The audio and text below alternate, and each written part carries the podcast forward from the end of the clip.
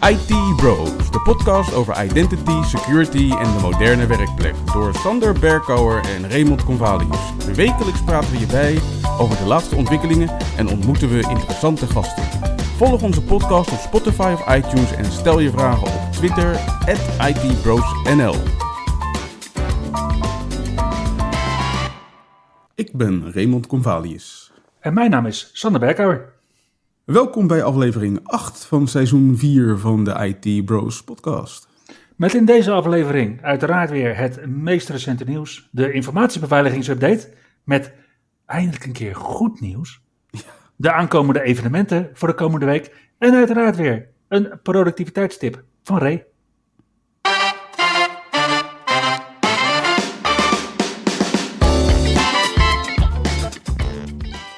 Ja, en dan trappen we af met Windows 11, toch? Ja, inderdaad. Zolang we nog geen Windows 12 hebben. Precies. Nou, we hadden afgelopen week wel heel erg veel nieuws uit het Beta Channel. Of uit het Insider Channel, moet ik zeggen. En dat is deze week vrij beperkt. Want eh, de insiders hebben geen nieuwe beeld in het Canary Channel of het Developer Channel. Het gecombineerde kanaal, hè? Is dat? Ja, dat inderdaad. Ja, Maar er is wel een nieuwe beeld in het Beta Channel. En dat is beeld nummer 22.635.3209. En die is uitgekomen op 16 februari. In deze beeld zit een feature die we al iets eerder even behandeld hebben, namelijk instant access naar foto's op je Android-toestellen via de snipping tool. En daarmee wordt het dus mogelijk om vanuit je snipping tool meteen je foto's vanaf je Android-telefoon te halen. oké. En het is een soort van omgebouwde versie van de oude Phone Link feature, lijkt het. Want Mhm. de Phone Link in settings hebben ze gerenamed. En om dit te laten werken krijg je een update van de Cross-Device Experience Host uit de Microsoft Store. En dan gaat dit allemaal werken in het beta channel van Windows 11. Dus de phone link heet nu anders. Ja, Hmm. Hoe die precies heet is me niet helemaal duidelijk. Maar ik zag in de, in de screenshot zag ik staan Manage Devices, geloof ik. Ja, maar dat klinkt meer als een stuk MDM-toevoeging dan, dan, dan zoiets. Ja, maar ja, zou je het werkwoord manager gebruiken richting consumenten? Hmm, ik vind het een tricky. Ja, Ja. maar ja, daar zullen de marketingmensen van Microsoft wat over hebben nagedacht. ja, daar worden ze dik voor betaald. Dus dat komt helemaal goed. Precies, Ja, dat zijn gewoon nog drie renames en dan is het eindelijk wat het moet zijn. precies. Hoeveel renames had eh, Windows Virtual Desktop ook weer? Oh ja, nee, oké.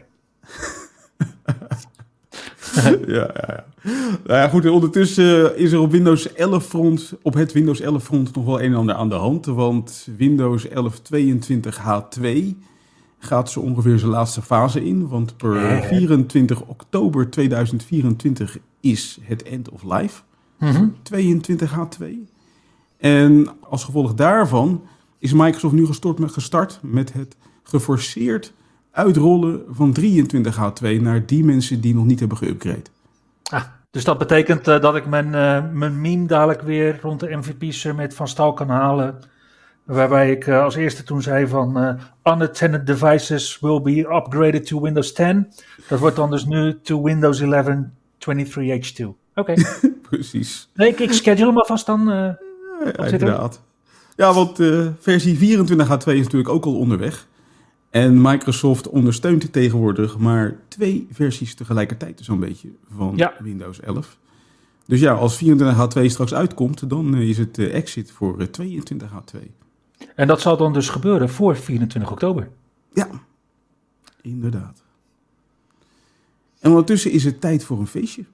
Ja, want het getal 24 staat wel weer heel erg centraal eh, in de laatste minuut. en dat staat het ook voor Windows 2000 Server. En nee mensen, dat is geen verspreking. Pas vanaf Windows Server 2003 komt het jaartal erachter. Bij Windows 2000 Server staat het gewoon netjes in het midden. Ja. En Windows 2000 Server werd uitgebracht op 17 februari 2000. Mm. En dat is voor 9-11. Dat is voor George Bush. Dat is voor een hele hoop andere dingen. Maar het is vooral een hele lange tijd geleden. En dat betekent dat ook Active Directory, een van de grootste features in Windows 2000 Server, die nieuw waren, dus ook al 24 jaar oud is. En dat betekent dat volgend jaar ook in bepaalde delen van India Active Directory dus uit genoeg is om een biertje te bestellen. er zijn echt twee regio's, moet je 25 zijn om een biertje te kunnen bestellen. Ja, dus volgend jaar hebben we een, een echt feestje met echte alcohol, wereldwijd. Oké.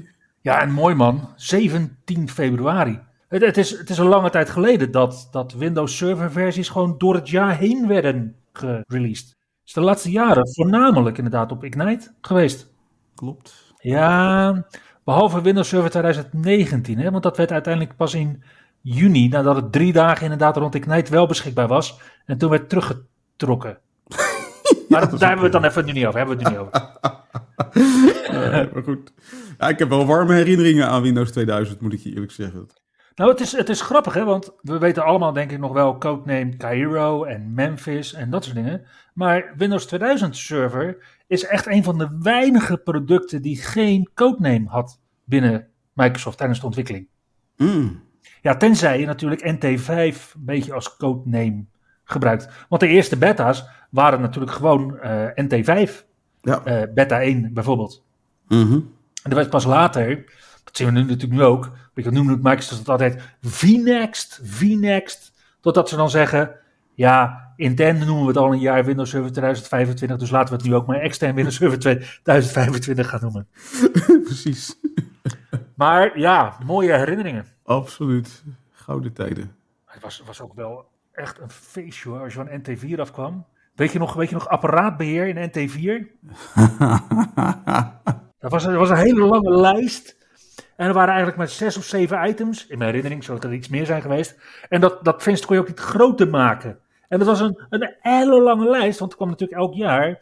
Uh, NT4 stond het 1993 tot en met 2000 heeft dat dus echt, echt front and center was dat voor Microsoft datgene wat je moest hebben. Dat was Mhm. uh, nou, de standaarden van toen, de latest and greatest. Ja. Ja, nu, nu denken we daar niet meer op die manier aan terug, denk ik. Maar ja, het, het sloeg in. Je plug and play eindelijk, ook op de server. Ja. En ik zei natuurlijk net al, Active Directory, maar ook uh, Group Policy. Een, een oud collega van mij laatst nog naar refereerde als Groupbook Policy. Nee, maar Windows 2000, dat was ook gewoon, het was zo groot, daar kon je gewoon, volgens mij kon je daar twee keer een vijfdaagse training voor geven. De systeemvereisten waren toen ook echt heftig. Je moest ineens, moest je een server hebben met 32 gig werkgeheugen. Mensen, dat, we bespreken over de tijd dat servers nog beige waren. Hè? Ja, precies. Dat er nog vloeibedekking in serverruimte lag. Dat, dat de rekken nog van hout waren. Dat is Windows 2000 server qua, qua context voor je. En dan kregen we ineens kregen we DNS server. En we konden ineens een, uh, een certificate authority bouwen. Gewoon ingebouwd. Gewoon een rolletje. Klik, klak, klaar. Niet eerst uh, mm -hmm. service pack, option pack. Weet ik veel wat allemaal. Uh, oh, wat, wat, met Service Pack 6a, daar wilde je dan naartoe. Dan moest je eerst Service Pack 4, dan Service Pack 6 en dan pas Service Pack 6a. Jongen, jongen, jongen. Ja, als je als beheerder graag op je krent wilde zitten, dan uh, was NT4 wel de tijd voor je. Ja, in Windows 2000 server was alles wel weer netjes gestroomlijnd. Precies. Terminal services, weet je nog, dat werkte eindelijk gewoon out of the box. En er was ook, uh, er was volgens mij tot Windows Server 2003 was er zelfs een hack voor. Dat je gewoon terminal services, moest je dan officieel natuurlijk licenties verkopen. Ja, dat deed je niet. Nee. Uh, en dan kon je toch uh, met z'n allen, hoor je op op één server, ja, de, noem het maar samenwerken dan. Een distributed file system, encrypting file system, en Windows file protection en een system file checker zelfs. Was ineens echt mijlen, mijlen veel verder dan Windows NT4. In alles. Ja, ja dat is heel snel exit gegaan toen. Ja. ja, behalve natuurlijk op de, op, de, op de consumentenmarkt, waar daar bleef Windows 98 nog best wel lang naeilen. Vooral natuurlijk met, mag ik dat zeggen? Ja, dat mag ik zeggen. De, de, de firste kluk die Windows ME heette. Precies. Ik net zeggen dat. Oh. Ja, oh. hey, Windows 2000 server was ook niet zonder problemen. Hè? Nee, Daar is Microsoft heel hard op teruggekomen dat uh, IIS standaard geïnstalleerd moest zijn. Ja. Ja, ja. jongens, dat, uh, dat, ja. Dat je Code Red en Code Red 2, mm -hmm. die uh, misbruikt inderdaad een lek in de IS indexing service, die standaard draaiden mensen. Fantastisch. Ja, nee, dat gebeurt niet meer. Nou, maar goed, die tijd is uh, voorbij. En we kijken er met uh, genoegen op terug. Ja, en toch zie je dat bepaalde dingen. Weet je, iedereen uh, deed natuurlijk ook Windows Vista verguizen, behalve een of andere schrijver die er ooit een boek over heeft geschreven. Maar daar zitten ook features in die nog steeds nu door heel veel mensen uh, als, als fantastisch worden omschreven. Als je dan zegt, ja, dat kwam met Windows Vista, dan zeggen ze, dat, dat, dat, baggerbesturingssysteem, nee toch? Nee. Ja. ja, wel. En Windows 2000 Server kwam met de, komt ie hè, de Data Protection API, de DP API. Ja. ja, die is toch wel 24 jaar na dato, en eigenlijk al 18 jaar na dato, uh, lek. ja, het is compleet achterhaald hoe die DP API werkt. En als je daar als ontwikkelaar gebruik van maakt om je, ja, je secrets zeg maar geheim te houden. Dus uh, systeemaccount wachtwoorden, dat soort dingen. Ja, dat, uh, dat neigt toch naar loopbaan-euthanasie inmiddels. Ja, precies. Maar goed, dat was niet het enige nieuws deze week. We hadden ook nog uh, ander nieuws. En dat gaat onder andere over Apple. Oh. Want de Rabobank maakt tap-to-pay mogelijk voor de zakelijke Rabobank klanten. Weliswaar tegen een klein tariefje. Maar dan wordt het dus mogelijk om je smartphone te gebruiken als uh, pinapparaat. Oké. Als je een iPhone hebt, een XS of nieuwer. Ja, want vanaf de XS, vanaf de XS heb je inderdaad die NFC-chip. Precies. Dan kan je de SmartPin-app installeren. En als je dan beschikt over het juiste abonnement, dan kan je dus mensen laten betalen met hun uh, betaalkaart of hun telefoon door te tappen. Oké, maar ik kan me herinneren dat dit toch al twee jaar geleden door Apple was aangekondigd dat banken hiervan gebruik eh, konden gaan maken. Klopt. Alleen het heeft tot augustus vorig jaar geduurd voordat het überhaupt mogelijk werd voor banken in Nederland. Oké. En de Rabobank heeft het nu beschikbaar gesteld in zijn SmartPin-app voor zakelijke klanten. En is daar eigenlijk ook de eerste uh, grootbank mee in Nederland, denk ik? Ja, de eerste grootbank wel. Want je kan inmiddels ook al bij Agen, Bunk en SumUp terecht om tap-to-pay te doen. Ja, die staan dan ook altijd mooi in de macro-folder inderdaad. Die uh, spullenboel van SumUp. Precies. Ja, precies. Ook het publiek wat je daar inderdaad qua feature mee wil, uh, mee wil bereiken. Precies. Maar ja, het was niet alleen maar goed nieuws voor Apple. Er was ook minder goed nieuws van Apple. Want uh, inmiddels is officieel bekend geworden na wat geruchten... dat iOS 17.4, je weet wel die nieuwe versie ja. van iOS... waarin Apple allerlei maatregelen gaat doorvoeren die ze onder druk van de EU hebben doorgevoerd. Ja, en waarvan de afgelopen week eh, inderdaad beta 4 verscheen. Precies. En wat gebeurt er? Ja, er moeten alternatieve browsers mogelijk worden. Mm En dan zegt Apple, dit is zo lastig dat we vanaf nu geen progressive webapps meer kunnen aanbieden op iOS. Wat? Ja. En zegt Apple, nou, die progressive webapps worden toch door bijna niemand gebruikt. Dus het is helemaal niet zo erg dat we daarmee stoppen.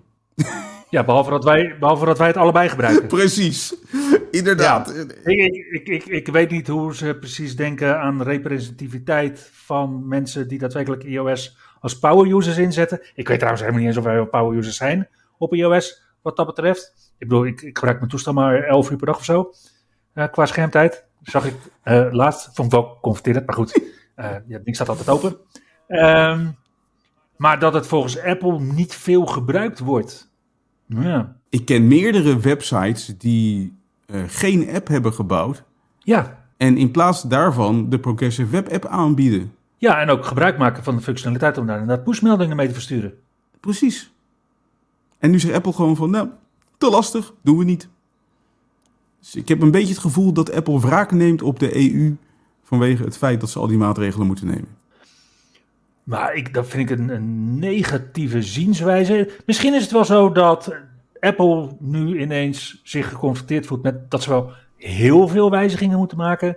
En dat ze hier inderdaad eventjes een, uh, een sluip door, kruip door uh, route hanteren. En dat ze nu zeggen van ja, weet je wat, nu hebben we er gewoon geen tijd voor om dit te doen. Dus het valt er nu uit. En misschien dat we het dan dadelijk in iOS uh, 21 weer terugkrijgen of zo. Hoop ik dan. We gaan het zien. Ik ben heel benieuwd. Ja. Want ik kan me niet herinneren dat Microsoft dat soort dingen deed. Dat, dat Microsoft zei van ja, uh, dat, dat ze onder vuur lagen, dat ze inderdaad bepaalde koppelingen moesten laten vervallen of dingen open moesten uh, zetten. Maar het ging, naar mijn herinnering in ieder geval, maar als ik uh, te veel blauw gekleurd ben, laat het dan vooral weten ook uh, in de reacties op social media. Maar ik kan me niet herinneren dat Microsoft dan ook gewoon dingen uitzette. Nee. Dan was het alsnog bijvoorbeeld Internet Explorer wat werd voorgetrokken. Ja, ja, goed. Ze creëerden gewoon een nieuwe versie van Windows die niemand kocht. De, ja, dat is ook gebeurd. Zeker. Ja. hey, vorige week hadden we het al eventjes over video vanuit Artificial Intelligence Engines. Mhm. Ehm, en toen hadden we het inderdaad over twee initiatieven. Maar volgens mij hebben we nu ineens een derde initiatief ook wat uh, het podium uh, opstapt. Ja, dat klopt. Vorige week was het Google waar we het over hebben gehad. En uh, Apple, die kwamen met de Lumière en Keyframe. Nou ja, met name Apple kwam Ja. vorige week met Keyframe. En deze week kwam eh, OpenAI. Die kon er uiteraard niet achterblijven. Dus die kwamen met Sora.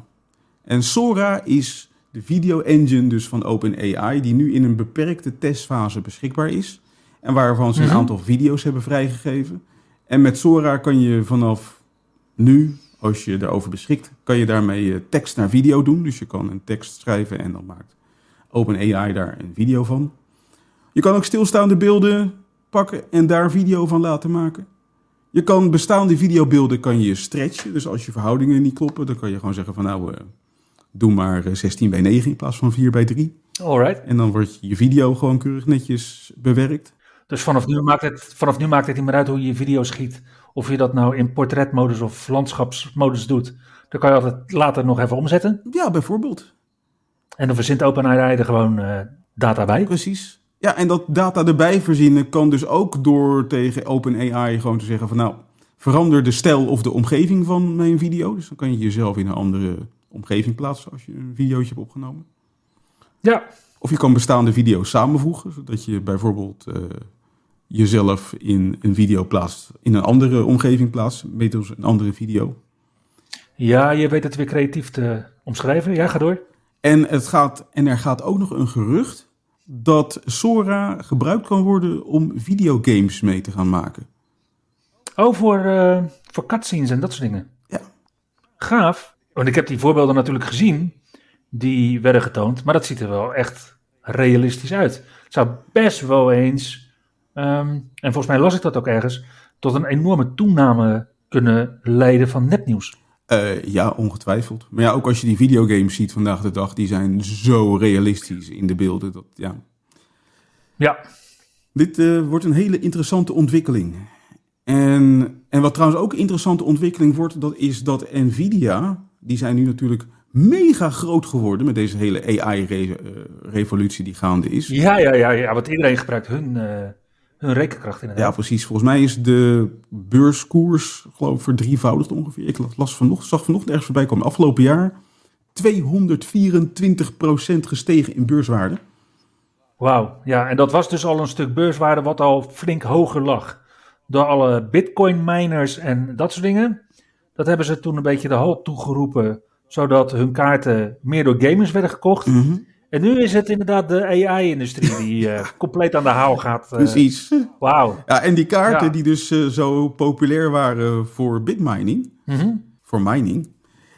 Ja, Die kaarten die kan je dus nu gebruiken om lokaal je eigen chatbot in elkaar te zetten. Ze hebben software uitgebracht. Dat heet eh, Chat with RTX. alright. Waarmee je je eigen large language model kan opzetten op je eigen PC. Waarbij gebruik gemaakt wordt van Mistral of Llama 2. Mhm. En dan kan je gewoon teksten laten genereren op basis van data die aanwezig is op je eigen PC. En dat werkt met iedere RTX 30 of 40 serie kaart. Oké. Nou, die, moet wel, die wordt wel beschikken over minimaal 8 gigabyte VRAM. Ja, die nieuwe Dell XPS'en die zijn aangekondigd, die hebben dit inderdaad, eh, die hebben allemaal zo'n 4050 aan boord. Dus mooi, eh, mooi spul. Die, zat ik, die zag ik ook in de, eh, in de Best Buy guides nu voorbij komen als beste kaart voor 1080p eh, gaming. Mm. En je hebt daar natuurlijk ook, als je daar bijvoorbeeld Teams gebruikt, dat hij natuurlijk al zodanig configureert dat je altijd heel creepy eh, recht in de lens kijkt. Dus ja, je, er, is, er is weinig tegen in te brengen om daar niet ook qua hardware overstag mee te, overstag mee te gaan. Klopt. Denk ik, klopt, zakelijk. Inderdaad. Nee, ik, heb, eh, ik heb inderdaad ook een 3080 volgens mij in mijn machine zitten hier. En ik heb er nooit spijt van gehad. Ondertussen kan je dus met de chat with RTX je eigen chatbot starten. Mhm. En die kan daarbij allerlei eh, tekstbestanden, onder andere TXT, PDF, DocX, XML en andere formaten verwerken. Ja, wacht even. Er, eh, wacht even, er, er belt hier iemand aan. Eh, Jason vraagt of hij ook mee mag feesten. Ik ken Jason niet. XML, Jason. Oh, die. ja, ja en, en het schijnt ook in staat te zijn om eh, transcripties te maken van YouTube-video's. Dus eh, het is een leuke ontwikkeling die nog niet perfect is. Want er zijn nog wel wat bekende issues. Onder andere onnauwkeurige bronverwijzingen kunnen af en toe optreden. En soms wat eh, contextloze reacties. En ja, hele grote datasets schijnen ook nog af en toe wel eens wat eh, moeite te kosten en crashes op te leveren. Maar het begin is er. Ik denk dat het niet zo heel lang meer gaat duren voordat je allerlei van dit soort eh, lokale AI-engines gaat vinden. Ja, dat is wat ze hadden voorspeld voor dit jaar inderdaad. AI-PC's. Yes, interesting.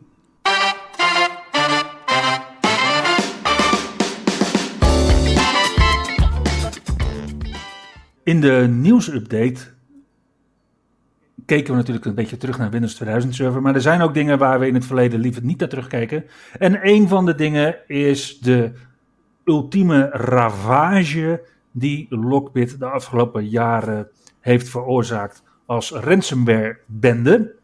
En net zo feestelijk als het jubileum van Windows 2000 is het mogelijk oprollen, maar in ieder geval verstoren van de Lockbit ransomware bende. Tja.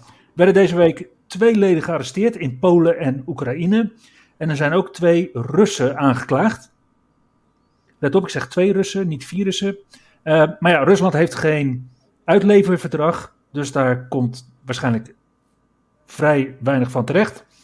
En de samenwerking tussen Amerikaanse en Britse veiligheidsdiensten, Europol, de Nederlandse politie en politiediensten uit onder andere Frankrijk, Zweden, Japan, Canada, Duitsland, Zwitserland en Australië. Die gaan nu als onderdeel van deze operatie Kronos ook nog achter de resterende leden aan. Maar ondertussen hebben ze al wel 200 bitcoin-portemonnees bevroren.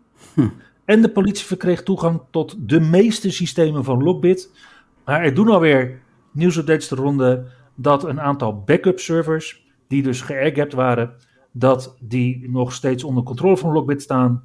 Waardoor mogelijk ook naast onder andere natuurlijk de KNVB, maar ook de Britse Royal Mail, Lockbit ook in de toekomst wat meer slachtoffers kan gaan maken.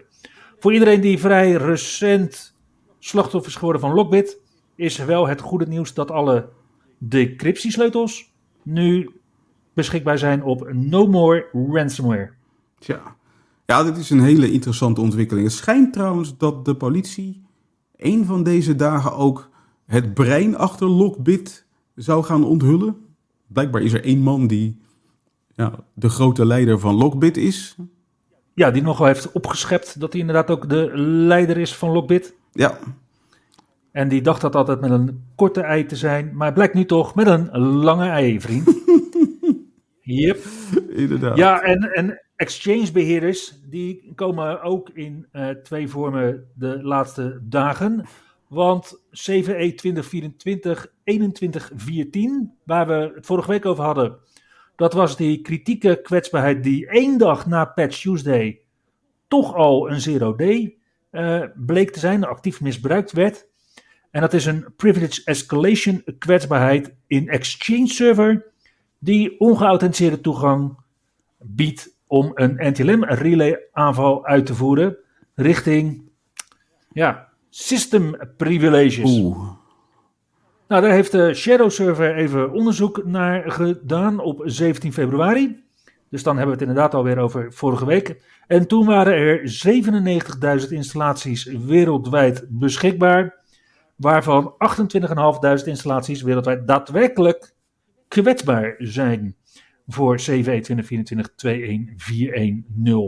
En als context geven ze daaraan dat er dus ook geen mitigerende maatregelen getroffen zijn. Het zijn zogeheten snurkende exchange server beheerders die ja, op billenkoek aan het wachten zijn.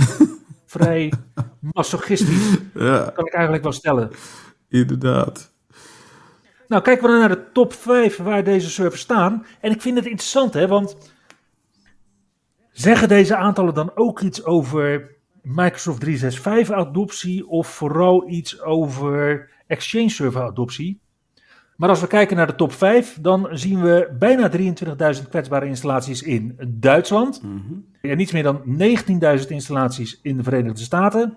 En daarna gaat het rap omlaag.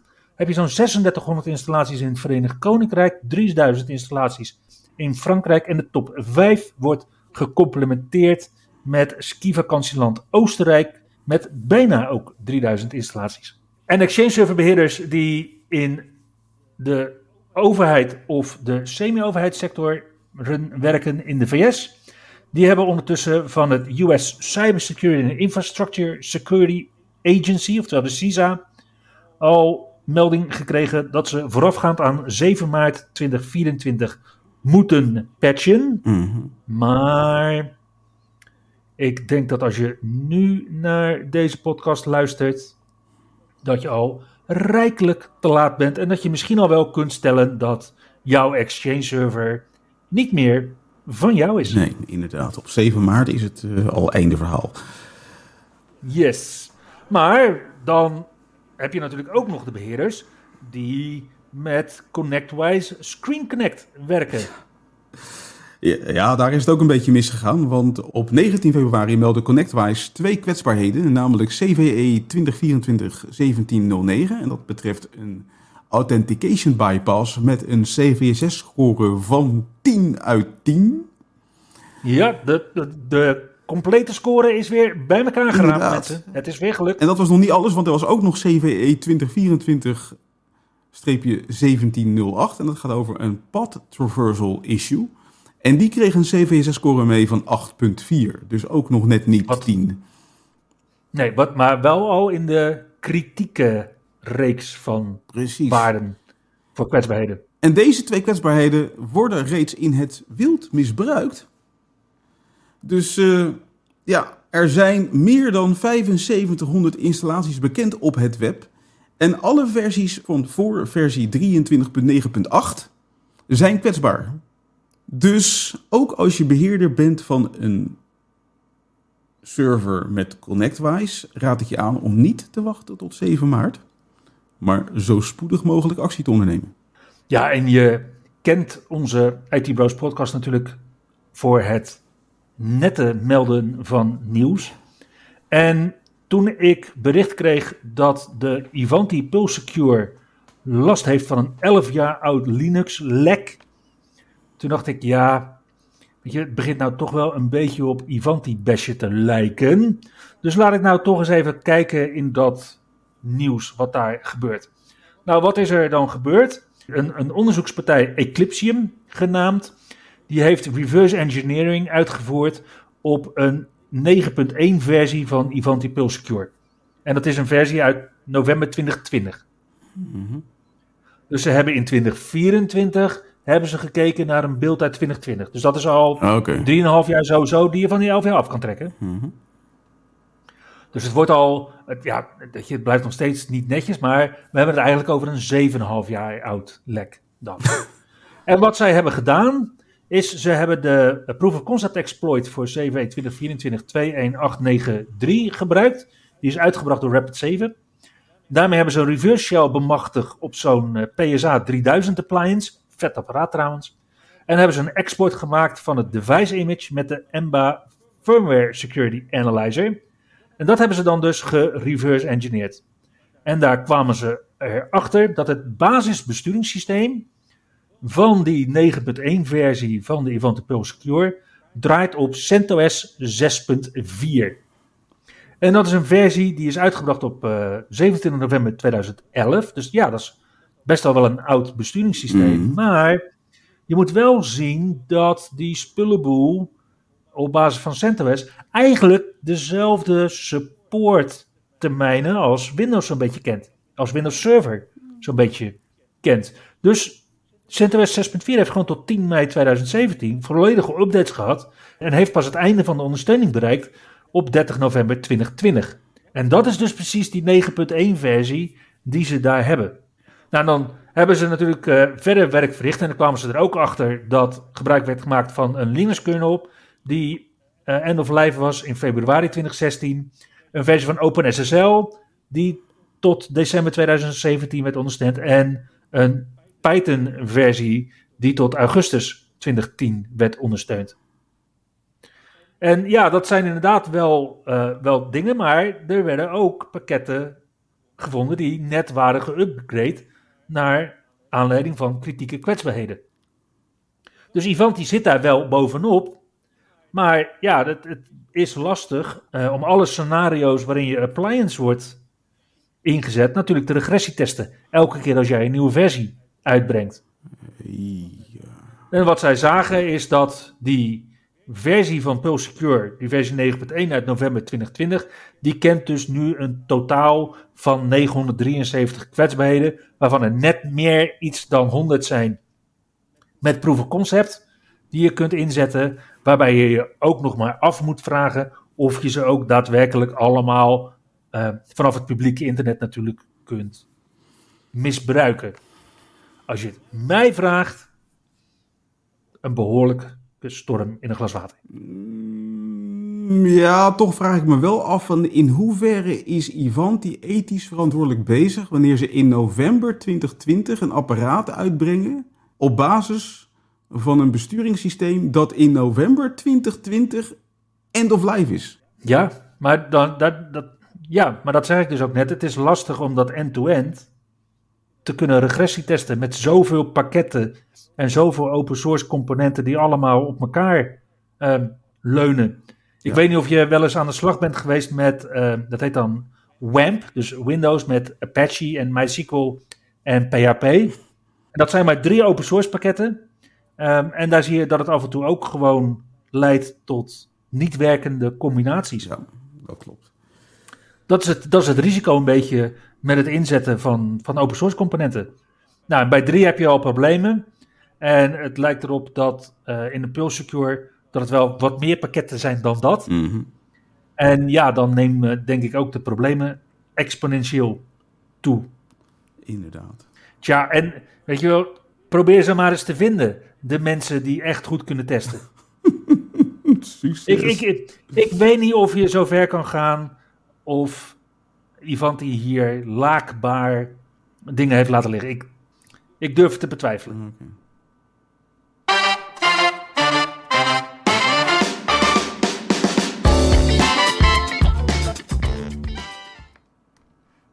En na deze positieve noot over Avanti, mag ook gezegd worden, kijken we naar de evenementen voor aankomende week.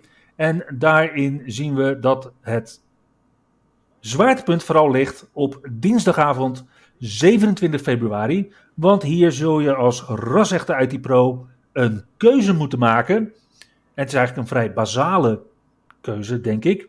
Of je meer van de infra bent, of dat je meer bent van de Microsoft 365 kant. Azure beheerders raad ik aan om sowieso naar de Azure Ape meeting te gaan. Dat zijn de Azure Platform Engineers. En zij organiseren een evenement bij Share Value in Gouda. Waar onder andere Kenneth van Surxum zijn geavanceerde conditional access scenario sessie presenteert. Bij de Dutch Information Worker User Group bij C Solutions in Bunning kun je uh, aan de slag met een aantal Microsoft 365 sessies. En dan hebben we het nog niet eens gehad over het evenement waar wij spreken op dinsdagavond 27 februari. Inderdaad, want op dinsdag 27 februari is het weer tijd voor de Workplace Ninjas Nederland. En die vindt deze Ja. keer plaats bij Pink Elephant in Naarden. En dat is vanaf half vier s middags tot negen uur s avonds. En daar komen presentaties bij kijken van Bob Cornelissen, Master Multicloud en Hybrid Monitoring with Azure Monitors, COM MI. Remco Visser heeft een presentatie Microsoft Copilot for Organizations and Legal Departments. En uiteindelijk komen wij ook nog aan het woord met onze nieuwe sessie Alibaba en de Entra ID token Script Authentication with the Microsoft Graph. Een hele mond vol, inderdaad. Ja, maar het is wel gezellig dat we inderdaad als laatste sessie aan bod zijn, want dan staan we weer eens klassiek tussen mensen en de borrel in. Inderdaad. Nou, die borrel is er uiteraard ook bij de Azure User Group België, AZUG BE. Want zij organiseren een avond rondom Azure Confidential Compute en Azure Infrastructure in Gent. Op donderdagavond 29 februari 2024 vanaf half zes.